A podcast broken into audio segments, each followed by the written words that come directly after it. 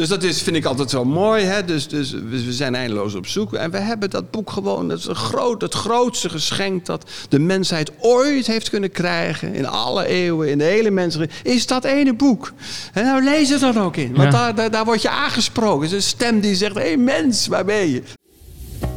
Wat is de Bijbel eigenlijk voor een boek? Verzameling eeuwige waarheden waar je in moet geloven? Of een mooi verhaal met een moraal? Een museum van oudheden, interessant voor de liefhebber, maar verder toch vooral achterhaald? Of kan het nog anders? In deze podcast ga ik in gesprek met theologen die die Bijbel zo gek nog niet vinden. Zij nemen ons mee door een tekst met een frisse, vrolijk, kritische blik en zoomen in op de vraag wat die vreemde tekst nu juist vandaag te zeggen heeft. Mijn naam is Marco Visser, vaste co-host is Rob Itman. Leuk dat je luistert naar de podcast De Nieuwe Bijbelschool. Ja, vandaag bij ons aan tafel uh, Ad van Nieuwpoort. Uh, leuk dat je bij ons bent. Uh, predikant in Den Haag en notabene voorzitter van de stichting De Nieuwe Bijbelschool. Kijk dus dan, aan, ja. Eh, dan wil je natuurlijk in onze podcast niet gemist worden. welkom. Goed hier te zijn. Ja. Heel mooi. Dank. Leuk, leuk dat je de, de Bijbelklas met ons uh, wil doen. Uh, maar voordat we daar naartoe gaan, uh, goed gebruik ook wel in onze podcastserie. Om nog, toch heel even nou ja, daar langzaam naartoe te wandelen met, ehm, met de vraag toch naar iets van jouw wordingsgeschiedenis als theoloog en predikant. vertel eens misschien iets over een cruciaal moment of een kruispunt waarop je staat zo in die jaren naar nou ja, waar je nu staat. Ga terug naar Nunspeet, Ad. Ja, nou, dat, dat, dat sla ik maar even over. nee, maar uh, ja, ik denk dat een belangrijk uh, moment voor mij is geweest. Uh, dat weet ik eigenlijk wel zeker. Is de ontmoeting met het Bijbels ABC van Miss Kotten geweest. Gek genoeg. Hm. Het klinkt bijna als een soort bekeringsverhaal. Maar ik, ik, ja, ik wist het eigenlijk niet precies. Ik ben, was een enorm zoekend jongetje. Uh, ik wist eigenlijk niet precies welke kant ik op wilde in het leven. En, um, Qua beroep je dan ook? Ja, en, en ook gewoon waar gaat het eigenlijk om? Ik kom uit een heel ja, kerkelijk nest met een, een, een, een, vader als dominee. Dus dan groei je op in de pastorie. Uh, dus je, je wordt er wel mee groot. Maar ja, hoe verhoud je je daar dan toe? En, uh, nou, ik was daar wel zoekende in. Heel nadrukkelijk. Als ik daarop terugkijk, denk nou, daar was ik dus heel intensief eigenlijk wel mee bezig. Ja. Al heel jong ja. gaf ik al... Toen ik 15 was, gaf ik al bijbelclubjes in Nunspeet. Ja. Dus toch Nunspeet. In, in Blijmaren. toch? In Blijmaren. Ja. Dat hebben we altijd ik gemeen. Weet je dat nog? Uh, dat was, was een koffiebar Blijmaren. Ja. Blijmaren, ja. Nee, heel wonderlijk. Ik, ik, ik heb, bij mijn verhuizing kwam ik zo'n krantenknipsel tegen uit de Nunspeet vooruit. En daar stond in uh, dat deze jongen op zijn zestiende of vijftiende bijbelclubje ja. zat. Dus dat zegt wel iets. Ja, dus jij, was, jij was zoekende. Um, zoekende.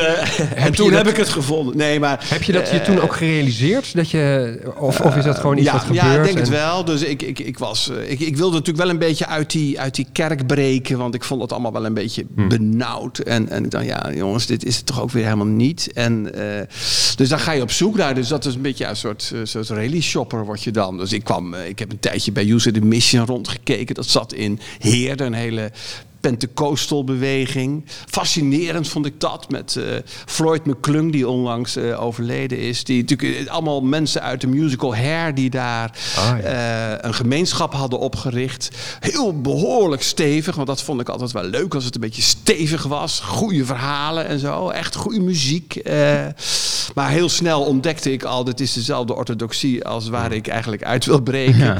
En toen ben ik in die, in, in die ter zee-beweging een beetje terechtgekomen als semi-permanent. We hebben ook een tijdje gezeten. Dat is heel belangrijk voor mij geweest, ook als tiener. Dus ik wil ook altijd nu tieners mee naar zee nemen. Dat is een goede ervaring. Dan kom je hè, allerlei mensen uit, uit heel Europa kom je tegen die hè, vanuit verschillende denktradities enzovoort. Toen was zee minder braaf dan nu overigens. Dat was toen nog wel een beetje een hippie-achtig uh, toestand. Vond ik heel leuk. Um, dus nou ja, zo. En toen heb ik nog een hele tijd in het Caro Omroepkoor gezongen. Oh? Dus een beetje dat katholieke vond ik eigenlijk ook wel interessant. Maar op een gegeven moment dacht ik, het is niks voor mij. Dat hele, ik vind het toch eigenlijk... Toch dus- niet. Nee, en, en toen ben ik lid van het Humanistisch Verbond geworden. Ben ik nou ook een heel bewuste keuze. Hoe keek je vader daarna? Zo ja, die vond dat, die- dat... ja, met argusogen. Ja. Keek hij dit natuurlijk allemaal. Ja. En, eh, en toen stond ik op, ja, dus ik, ik, eh, op het punt om, om eigenlijk eh, naar de toneelschool te gaan. Dus ik, ik had auditie gedaan. Eh, omdat ik, ik, ik, ik vreemd met een meisje wat ook auditie deed. En ik vond dat een ontzettend leuk meisje. En ik, ik was overigens altijd wel geïnteresseerd in theater en zo. Een hele goede reden om dat te Eh, gaan ja, doen. ja. Dus ik, ik vond dat eigenlijk heel leuk. Dus dat heb ik toen gedaan. En, en, en, maar toch dacht ik, ja, maar dit, als dit, dit is toch ook mijn toekomst. Dit zal toch ook mijn toekomst niet zijn. Dat is een beetje onzeker. En toen was er een vriend van mij, die gaf mij dus het Bijbels ABC. Die zei, lees dat nou eens. Nou ja, dat is heel raar. Ik zie nog precies, ik weet nog precies waar ik, eh, waar ik dat zat te lezen. En, eh, ja, en dat, dat kwam bij mij binnen. Ik denk, hè, dit heb ik nou nog nooit gelezen. En dat was met name ook, denk ik, ik, ik weet nog het hoofdstukje, de orde der deugden gods was een, was een eh, cruciaal hoofdstuk. En dat ging natuurlijk met name over de vraag, wie is dat eigenlijk God? Wij denken allemaal te weten wie God is. Maar dat is maar helemaal de vraag of, hè, of wij met, met onze, onze bijbelvastheid wel eh, in de gaten hebben waar het eigenlijk in de schriften van, van, van Israël over gaat. En eh, dus dat die Bijbel weer leren lezen als boek. Gewoon Hè, dus niet, niet als, een, als een religieus eh, iets om, om tot geloof te komen, wat ik in de eerste plaats, maar als een boek eh, met verhalen die dus gaan over een, een, een werkelijkheid die. eh, die wij niet kennen eh, en eh, die wij in de kerkelijke traditie eigenlijk altijd heel snel hebben ingevuld. Dus dat is natuurlijk wat mij heel erg trof bij Miss Kotter was. Wij hebben onze oerwoorden, onze grondwoorden vanuit ons heidendom, zeg maar. Zo zegt Miss Kotter dat natuurlijk, moeten we ook nog eens een ander woord voor bedenken. Maar vanuit onze ja, algemene religieuze mens zijn hebben wij allerlei woorden over die Bijbel heen gespannen en hebben zo die Bijbel laten buikspreken. En, en, eh, en wordt het niet eens tijd, dat was natuurlijk Bijbels ABC, in de Nieuwe Zijdskapel, in de oorlogsjaren, toerusting voor allemaal kaderwerkers die natuurlijk in, in die oorlogstijd eh, hun mensen moesten toerusten om ook weerstand te kunnen bieden Ja. tegen dat nazisme.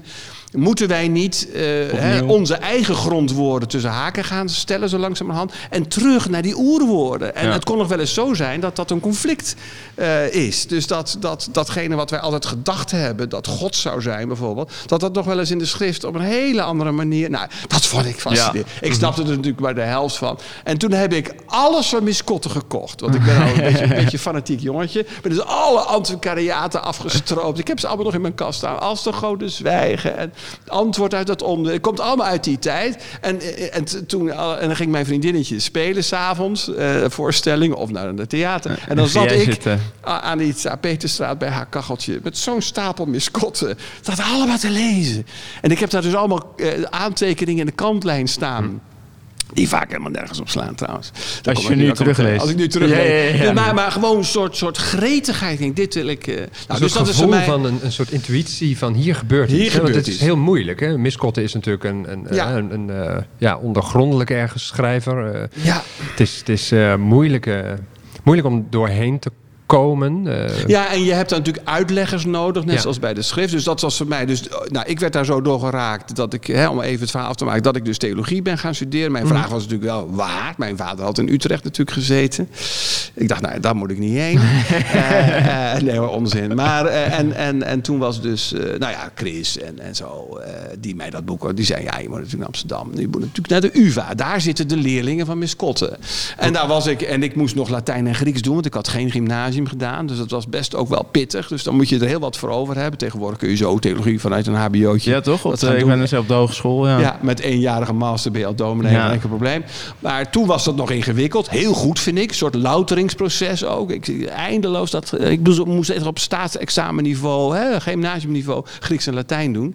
Ik zeg het nog maar eens even. Ja, ja, ja. En dat is eigenlijk heel goed. Een soort loutering van waarom wil ik dit eigenlijk? En dan zat ik eindeloos al die rijtjes te doen. En, weet ik het allemaal. en in die tijd kwam Frans Breukelman, eh, niet onbekend in de Nieuwe Bijbelschool, die kwam college geven op de Herengracht. Nou, ik, ik had die naam wel gehoord, maar ik vond het ook altijd een beetje als iedereen het had over oh, Frans Breukelman, dacht ik altijd, nou ja, goed, jongen. Oppassen geblazen. Ja, want ik had Toch? dus- Ja. bij Use the Mission had ik altijd als iedereen naar rechts kijkt, moet je vooral even naar links kijken. Want, eh, nou goed, maar ik, ik weet nog precies dat ik dat college eh, hoorde. Was een college over. ehm, eh, het, het, het werk van die Duitse theoloog Marquardt. Hè, dat, over Genesis. Die had een boek over Genesis geschreven. Naar aanleiding van natuurlijk de studies van Frans Breukelman. En dus er waren heel veel mensen uit Duitsland. Er gebeurde iets in die faculteit. Ja, een mooie tijd was dat. Dus helemaal propvol. Er hingen microfoons aan aan het plafond. En, en ik zat daar een beetje jongetje achterin. Keurig met een lamswolle truitje. Een beetje, ik paste natuurlijk helemaal niet op die linkse faculteit. Met allemaal krakers en weet ik het allemaal niet.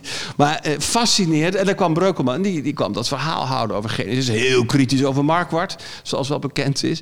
Daar klopt eigenlijk helemaal niks van volgens hem. Maar goed, eh, eh, ik, werd, ja, ik dacht, ja, maar dit is precies wat ik bij Miss Kotte heb geproefd. Ja.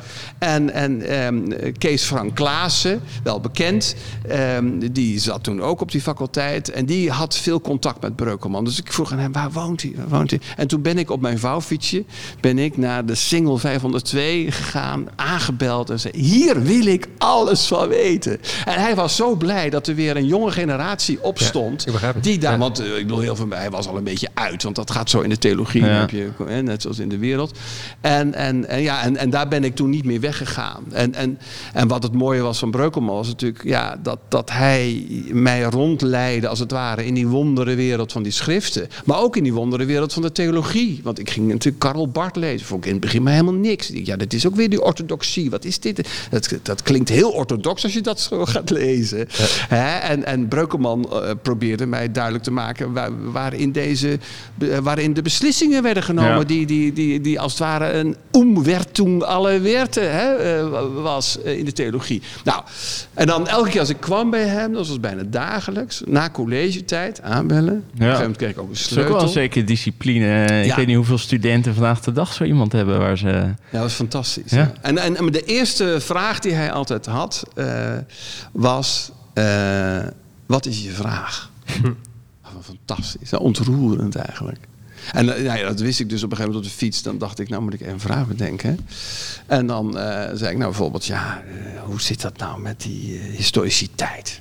Ik begrijp het eigenlijk niet. En we hebben vroeger geleerd dat het allemaal waar gebeurt. Hoe moet je de Bijbel Hoe eigenlijk moet je lezen? de Bijbel eigenlijk lezen? En dan was een tweede vraag, aan wie wil je die vraag stellen? Oh, aan ja? Calvijn of aan Karl Barth. Aan de rabbijnen. En zo. En dan Oh. eh, mocht ik een keuze maken. En dan kwam bijvoorbeeld Calvijn uit de kast. En dan eh, ging die lezen? Calvijn. Nou ja, enorm bevoorrecht. En dat heeft mij tot op de dag van vandaag is dat bij me. Dat heeft me enorm gevormd. Mhm. Maar ik en daar ben ik nooit heel- meer vanaf gekomen. Ik vind het toch wel heel, heel eh, opmerkelijk wat je zegt. Dat dus eigenlijk steeds het uitgangspunt van zo'n gesprek dan is... wat is je vraag? En dat vind ik eigenlijk iets heel moois. Jij zegt het zelf ook al. Eh, omdat eh, soms is wel eens een beetje de indruk van die Amsterdamse theologie... of zo, of die Breukelmaniaanse theologie... dat dat heel thetisch is, heel ja, prekend in de verkeerde zin. Maar dit is eigenlijk helemaal vanuit de andere kant gedacht. Heel, daar, daar komt iemand op mij af, die heeft een vraag... en, en laten Ja. we er eens op ingaan. Ja, en dan, toch? en dan iemand helpen om dat gesprek met die traditie, met die eeuwenoude denktraditie te, te voeren. Mhm. Ja? Dus Ja. niet ik heb het antwoord, hè? maar eh, Samen lezen. eh, we gaan Samen, samen ja. lezen, we gaan naar de bron. En ik denk dat dat. eh, en dat is natuurlijk opvoeding. Dat is niet iemand met, met antwoorden opzadelen, maar iemand leren het, van de goede vraag te stellen, één. En te weten waar die, bij wie die te raden moet gaan bij die goede, met, die, Ja. met die vragen. Nou, dat is natuurlijk wat, wat, wat, wat, eh, wat lernen is. hè. Dat en wat is- ik ook mooi vind, er zijn meerdere antwoorden op die vraag. Zeker. Eh, Want eh, gelukkig maar. Ja. Ja. ja. Nee, nee, exact. Precies. Ja, ja. Opvoeden is iemand helpen om de goede vraag te stellen. Exact. iemand leren lezen, hè? Het is dan als Ja. het over de theologie gaat. Ja, mooi is dat. Eh, nou, het dan Nou ja, maar. Laten we dan... zouden eh, dan zouden we er nog uren over kunnen hebben. Hoe dat Zeker, maar laten we dan, eh, studeerkamer. Ja. ja. Nou ja, en... en Terug naar de bronnen. Ja, precies. Ja. Je hebt een tekst voor ons meegebracht. Vertel, Ja, waar... eh, Ik heb, eh, ja, dat is altijd ingewikkeld. Neem een tekst mee. en denk, ja, welke tekst? Want dit is meestal de tekst waar ik op dat moment mee bezig ben, is voor mij dan de tekst. Eh, Ja. dus heb je mee bezig bent, bedoel je voor de zondag? Voor de zondag en voor de- met eh, ja. meelezen in mijn eh, kerk en zo. Maar eh, ik dacht het is misschien toch wel aardig voor deze podcast om ehm, de tekst te nemen die voor mij heel belangrijk is geworden in mijn proefschrift. Ik ben dus eh, in mijn eerste gemeente in Amstelveen, jou wel bekend Marco. Zeker, ja. Eh, daar was ik part-time en toen was ik ook nog een beetje verbonden aan de theologische faculteit die er toen nog was van de Universiteit van Amsterdam. Eh, en ehm, eh, had ik dus de gelegenheid om aan mijn proefschrift te, te werken. En, ehm, en de vraag was natuurlijk, waar, waar moet dat dan over gaan, dat proefschrift? Eh, Biscotten? nou ja, dat zou je zeggen. maar ehm, eh, ja, ik ben natuurlijk wat dat betreft echt ook wel door Roger Suurmond groot geworden. Bijbels theoloog, daar, daar ben ik ook bij afgestudeerd. Eh was ook mijn, eh, mijn eh, scriptie heb ik bij hem gedaan. En eh, ja, ehm, toen dacht ik, ja, waar zal ik het dan eens over doen? En toen dacht ik, ja, het is eigenlijk wel interessant. We hebben natuurlijk, eh Breukelman heeft zich heel intensief met Matthäus bezig gehouden als het gaat om het Nieuwe Testament. Eh, ben Hemelsoet heeft zich heel intensief bezig gehouden met het Marcus-evangelie. Ipe Becker was op dat moment nog heel druk bezig met het Johannes-evangelie. En iedereen ging altijd een beetje om Lucas heen. Hè? Dus Breukelman heeft natuurlijk in zijn Matthäus-cahier een prachtig stuk over de ouverture eh, van, en ook overigens over de finale van het evangelie naar Lucas. Maar verder hebben, durfde eigenlijk niemand zo zijn handen te branden aan Lucas, want dat zou dan toch nog het meest historiserende evangelie zijn. Hè? Oh ja. Interessant. En jij dacht, dat kan niet waar zijn. Ik dacht, dat kan niet waar. Nee. Dus zo ben ik bij Lucas uitgekomen en eh, heb ik toen, eh, mijn, mijn, in 2004 is dat geloof ik, of 2000. 2002, ik weet niet eens, eh, heb ik dat proefschrift toen verdedigd. eh, met als titel Te nacht opnieuw. Ehm, eh, over het messiaanse tegoed van eh, eh, het Nieuwe Testament. Dus Miss Kotte had het over het Oud-testamentisch tegoed natuurlijk. Het tegoed van het Oude Testament. Daar gaat natuurlijk heel als de Goden zwijgen onder andere ook over. Dat had natuurlijk ook wel te maken met wat gaat er in het Oude Testament. worden allerlei thema's aangesneden die in het Nieuwe Testament niet zo aan de orde komen. Dus het had ook met een soort kwantitatief tegoed te maken. Ja, een soort surplus Een soort surplus, ja precies. Maar tegelijkertijd had het natuurlijk, heeft het ook een, een, een kwalitatieve eh, duiding kun je daar geven. Dat het niet alleen maar een surplus is, maar ook van hé, hey, eh, dit is ook wel het bijzondere van dat van Tanach. Ja?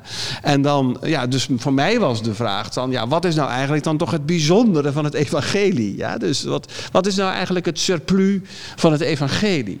En eh, nou goed, da- daar is dat proefschrift over gegaan. Nou, eh, en, en een van de cruciale teksten is voor mij geworden uit het zondergoed van Lucas. Dus wat Lucas eh, alleen maar Lucas heeft. Hè. Dat, dat geldt natuurlijk ook voor de ouverture. Dat komt nergens anders zo terug. Eh, nou, eh, ook het verhaal van de verloren zoon en de barmhartige Samaritaan. Allemaal zondergoed Lucas. Wat alleen Lucas heeft. Dus wat niet ook Marcus en Matthäus hebben. En dat is een tekst uit, ehm, uit Lucas 16, vers 19 tot 31. eh, waarin volgens mij, hè, een, een, ja, het wordt niet als zodanig gezegd dat het een parabel is, maar waar natuurlijk ergens een parabel wordt verteld door Jezus. ehm, waarin volgens mij eh, Lucas ons de hermeneutische sleutel aanreikt voor het verstaan van zijn evangelie. Zal ik het lezen? Graag. Het is eh, niet zo heel lang. Er was eens een rijk mens. Hij kleedde zich in purper en fijn linnen. En dagelijks vierde hij schitterende feesten. Een arme, genaamd Lazarus, lag bij zijn poort vol zweren en verlangde ernaar verzadigd te worden met wat er van de tafel van de rijke viel. Maar alleen de honden kwamen om, zijn, om, om aan zijn zweren te likken. Het geschiedde dat de arme stierf. Door engelen werd hij weggedragen naar de schoot van Abraham. Ook de rijke stierf en werd begraven. En in de onderwereld aan folteringen ten prooi sloeg hij, die rijke man, zijn ogen op en zag Abraham en van verre Lazarus in zijn schoot.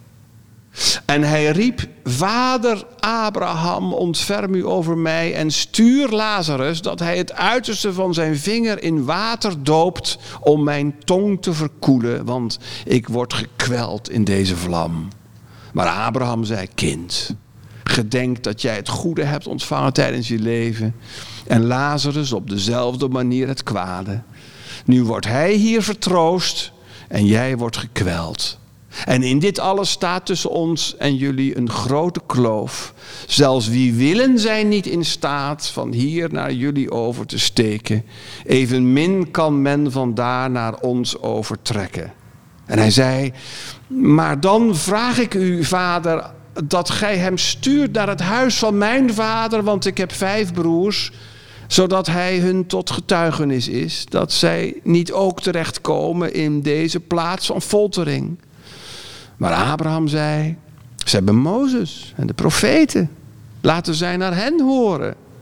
Maar hij zei: Nee, vader Abraham. Maar als iemand uit de doden optrekt tot hen, zullen zij zich bekeren. En hij zei tot hem: Als zij naar Mozes en de profeten niet horen, zullen zij zich ook niet laten gezeggen als iemand opstaat uit de doden. Mooi. Ja, tekst, ja. Prachtig verhaal. Ja. Ja. ja, je hebt natuurlijk eh, deze tekst eh, enorm bestudeerd. hij is mij ook eh, vertrouwd zoals eh, als dominee en theoloog. Maar eh, vandaar dat ik even naar eh, rechts eh, kijk. Eh, Rob, jij misschien minder vertrouwd met deze tekst. Ik vind het wel leuk om even van jou te horen wat, eh, ja, waar jij blijft haken. Of wat jij denkt of wat jij... eh, Ja, nou eerlijk gezegd is dit dan weer een van de teksten die ik, eh, die ik net wat vaker wel, wel heb gehoord. Maar ook bij mij eh, vaak is blijven hangen. Omdat het natuurlijk op de Zuidas werkte. En dan was deze tekst toch ook wel mooi om altijd uit te vergroten.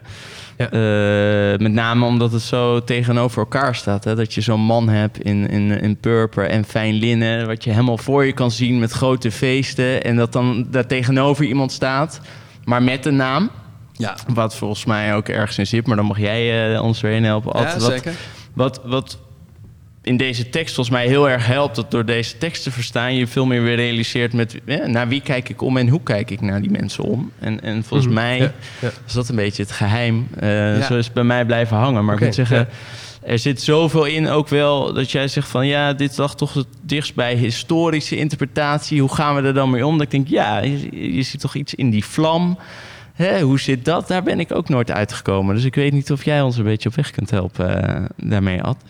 Nou ja, er zitten natuurlijk verschillende lagen in dit verhaal. Dus eh, inderdaad gaat het om te beginnen natuurlijk om een, geweldig contrast wat hier geschetst wordt tussen die wereld van die rijke mens, hè, interessant, die dus eh, zich koninklijk kleedt hè, en, en feesten viert.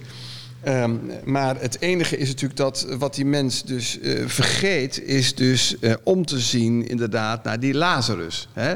El Azar, kan je zoiets verstalen als hulpe gods. Dat is interessant. Dus de hulp gods ligt op zijn stoep. Ja? Dus, hij, eh, dus dat, dat, dat, dat, dat, dat ene wat, wat, wat hem zou moeten maken tot mens. Dus niet zozeer Lazarus hier als het object van onze zorg, als wel als subject voor de heenwijzing naar waar het eigenlijk in dit leven om, eh, om gaat. Iemand die juist iets te geven zou Iemand hebben. die, te- ja, de- onze hulp, hè, dus het is een soort onze hulp ligt op de stoep. Ja. Maar we stappen eroverheen en, en, en eh, zijn opgesloten in, om het maar even modern te zeggen, in onze eigen bubbel en, en vieren de feesten enzovoort.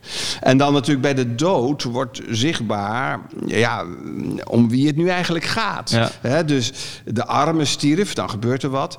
En dan staat er, en door, door engelen werd hij weggedragen naar de schoot van Abraham. Prachtig beeld natuurlijk. Dus je moet eigenlijk zeggen, nou, als, als hij daar naartoe gaat, dat betekent dat hij ook daar vandaan gekomen is. Het is een zoon van Abraham. Ja? Hij komt uit diegene die die stem heeft gehoord. Ga jij uit je land eh, hè, en uit je vaderhuis eh, op weg naar het land eh, dat ik je zal laten zien. Die Abraham hebben we het dus over. Ook interessant dat die naam Abraham hier valt. Want daar komt die hele Torah komt tevoorschijn. Dus hij komt uit de schoot van de Torah en hij gaat naar de schoot van de Torah. Ja? Hè, en... ehm, nou, prachtig engelen, ja, dus, dus eh, eh, nou ja. Geen anonieme begrafenis, Geen wat je wel zou verwachten misschien. En dan, bij, eh, precies, exact, en exact, precies, leuk. En, en, en het enige wat van die rijken wordt gezegd is, hij stierf en werd begraven. Terwijl je natuurlijk in de, in, de, in, de, in de wereld waarin wij leven, ja, als een rijke sterft, jongens, ja, dan staat het NRC vol met advertenties. de en arena zit vol. en, en, en dan hebben we koetsen door de stad en, en, en noem het allemaal maar op. Maar nou goed, en het verschil is inderdaad, wat je al zei Eh, de een heeft een naam, de ander niet. Hè. Dat is natuurlijk ook altijd weer een uitnodiging naar de lezer.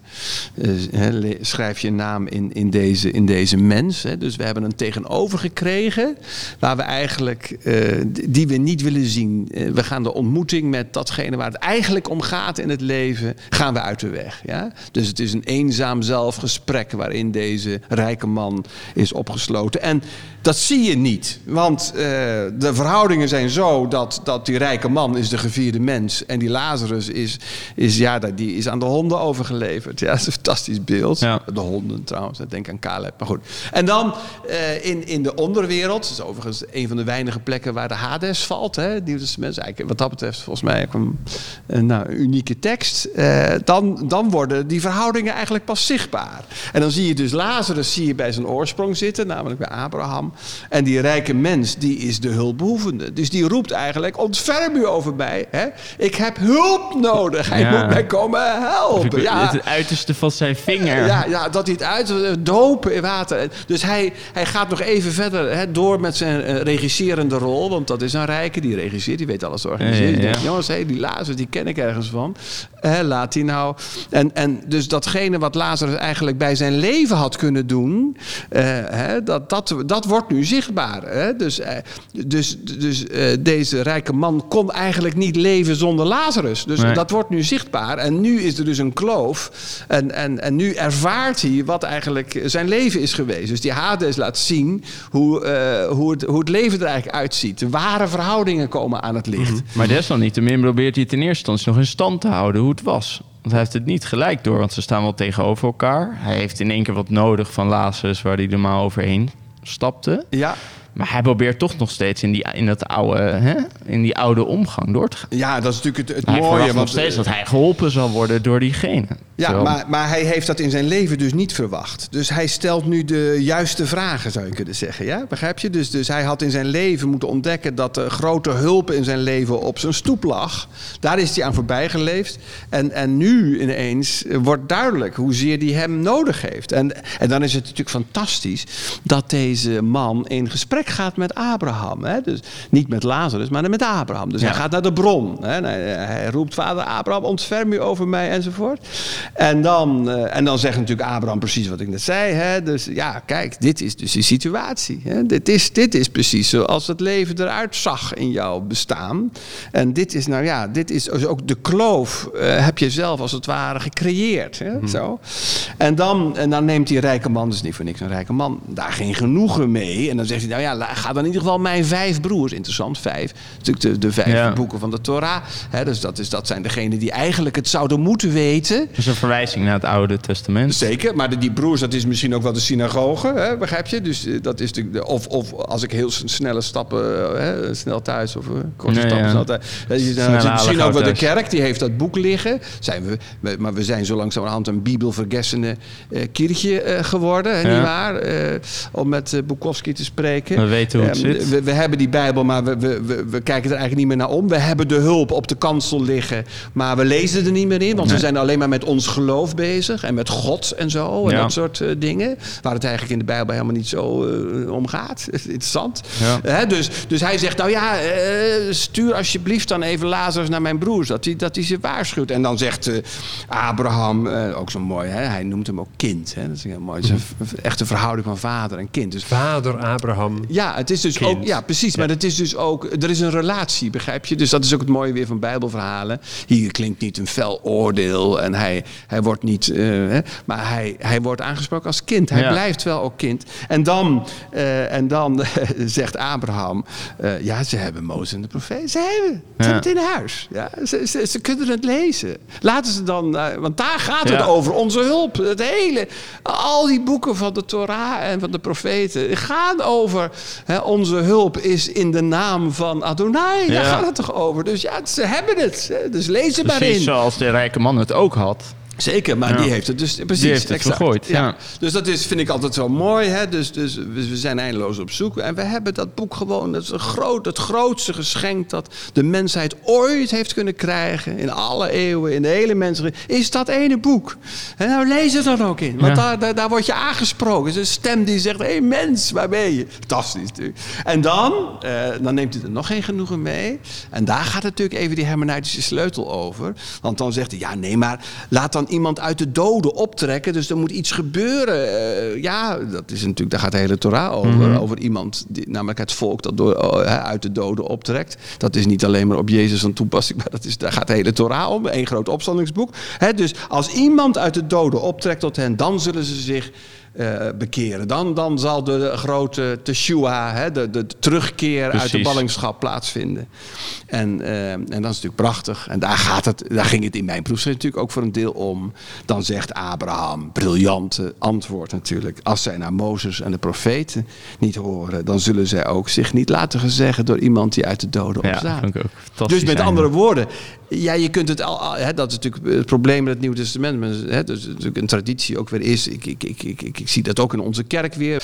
Hè, van nou ja, dat Oude Testament, ja, eh, Jodendom, dat is net zoiets als de islam. Daar moeten we ons een beetje toe verhouden. De dialoog met het Jodendom enzovoort. Maar goed, wij zijn christenen, wij hebben ze ons toch ontwikkeld. Ja. En dat Oude Testament is natuurlijk een beetje, ja jongens, laten we nou, niet- dat is, dus- dat, is een voor, voorstoeven van het Nieuwe Testament. Dat is een soort aanlooproute. Maar dat gaat natuurlijk ons om Jezus. Nee, zegt Abraham, dat heb je helemaal verkeerd begrepen. Als jij, jij begrijpt niets van Jezus als je niet eerst hoort naar Mozes en de profeten. Die hele figuur van Jezus is onverstaanbaar zonder eh eh tenag. Ja, dat is het hele punt. Het is, het is als, als, als, bij wijze van spreken, je hebt een gebruiksaanwijzing bij een wasmachine zonder wasmachine. Ja, daar heb je helemaal niks aan. Nee. Dus je, je hebt... eh, je, je, om, om, ja, om te je niet zonder. En het mooie is, precies. En het mooie is, dus het, het, het, Jezus werpt je terug op de nacht. Ja? Ja. In plaats van dat en die laat je opnieuw ons... studeren, die laat je opnieuw nadenken. En dat Precies. zal leiden En tot, dat is de, de hele functie van, de, van, van Jezus, eh, volgens mij in, in, in, in het evangelie. En het mooie van Lucas is, en dat was voor mij natuurlijk de grote ontdekking, dat er eigenlijk, er is geen evangelie waar dat zo nadrukkelijk ook benoemd wordt, taal krijgt. Hier, maar ook aan het slot van het evangelie in hoofdstuk 24. Nou, dat weet je ook, daar heb jij ook je scriptie over geschreven, Zeker, de, dat verhaal van de Emmausgangers. Ja, en dan gaat het natuurlijk ook helemaal. Dus Jezus zegt tegen die Emmausgangers ook niet van... hallo, hier ben ik. Nee, die zegt, hè, eh, laten we teruggaan naar Mozes en de profeten. Ja. Het is het enige evangelie waar ook Tenach in zijn drieslag wordt genoemd. Namelijk Torah,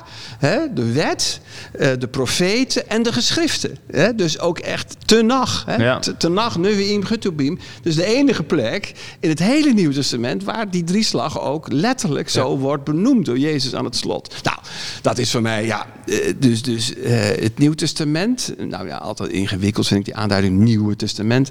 Het is, is- ja, het, het, het, het heeft eigenlijk maar één functie... en dat is om ons terug te werpen op waar het eigenlijk in Tenach om gaat.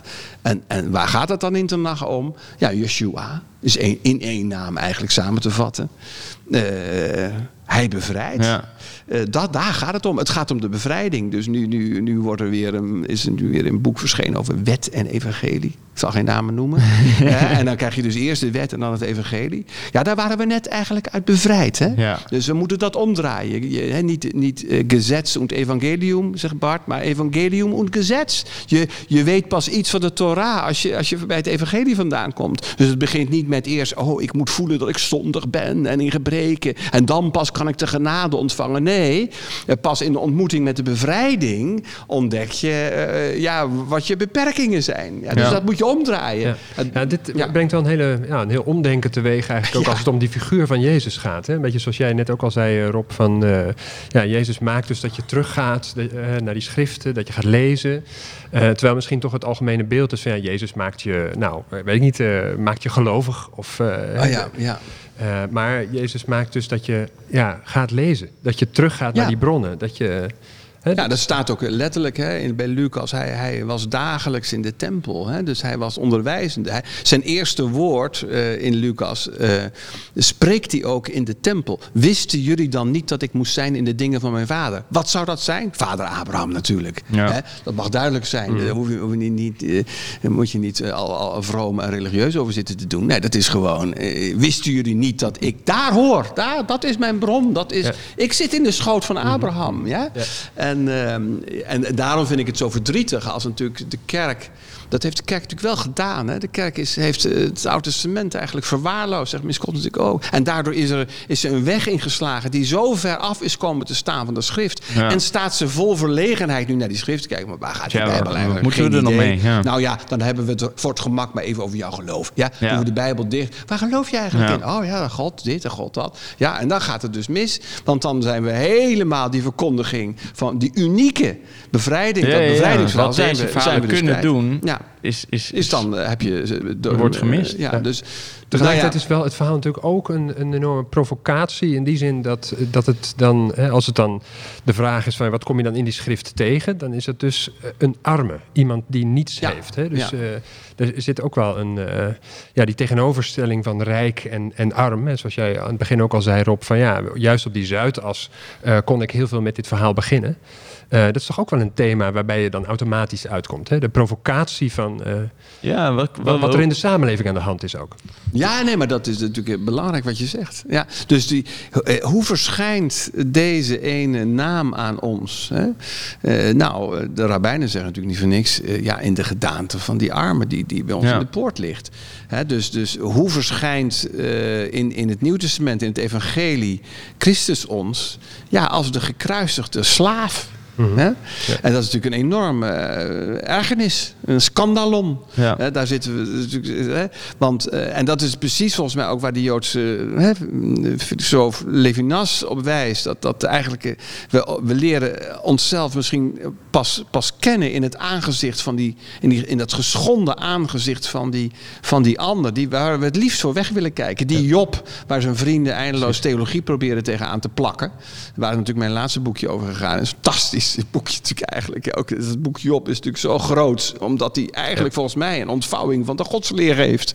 Ja, dat is ook zo'n vergeten boekje in de kerk. Maar ja. eh, uiteindelijk gaat het over, over een God die helemaal niet ingrijpt. Eh, gaat het over een God die helemaal niet zijn spierballen laat zien. Maar om een mens die, die eh, aan- helemaal, laten we zeggen, wordt afgepeld. En, en tot maar één kern komt. En dat is, er is een naam die met mij is. Hè? Dus... ehm, Ja. dat is zo, uh, I know that my Redeemer liveth. Dat is de tekst van Job, waarin natuurlijk eigenlijk het hele boek van Job aan hangt. Er is maar één ding wat ik weet. Ik weet helemaal niks. Ik ken mezelf niet, ik ken jou niet, ik weet het eigenlijk helemaal niet. Dus één ding wat ik mag weten.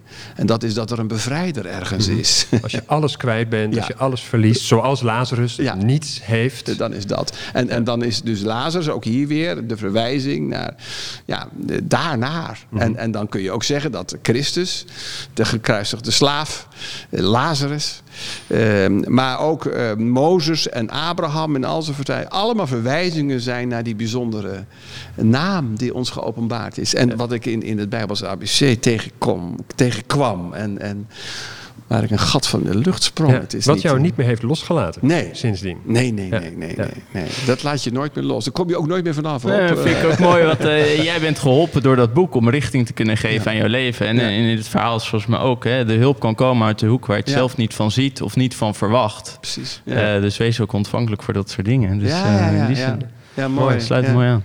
Ja. Zeer bedankt Ja. eh, voor hoe je ons door deze tekst hebt meegenomen. Ja. Eh, Hopelijk kom je nog een keer terug, had. Ja, nee. Heel graag. Oké, hey, bedankt. Mooi programma. Prachtig.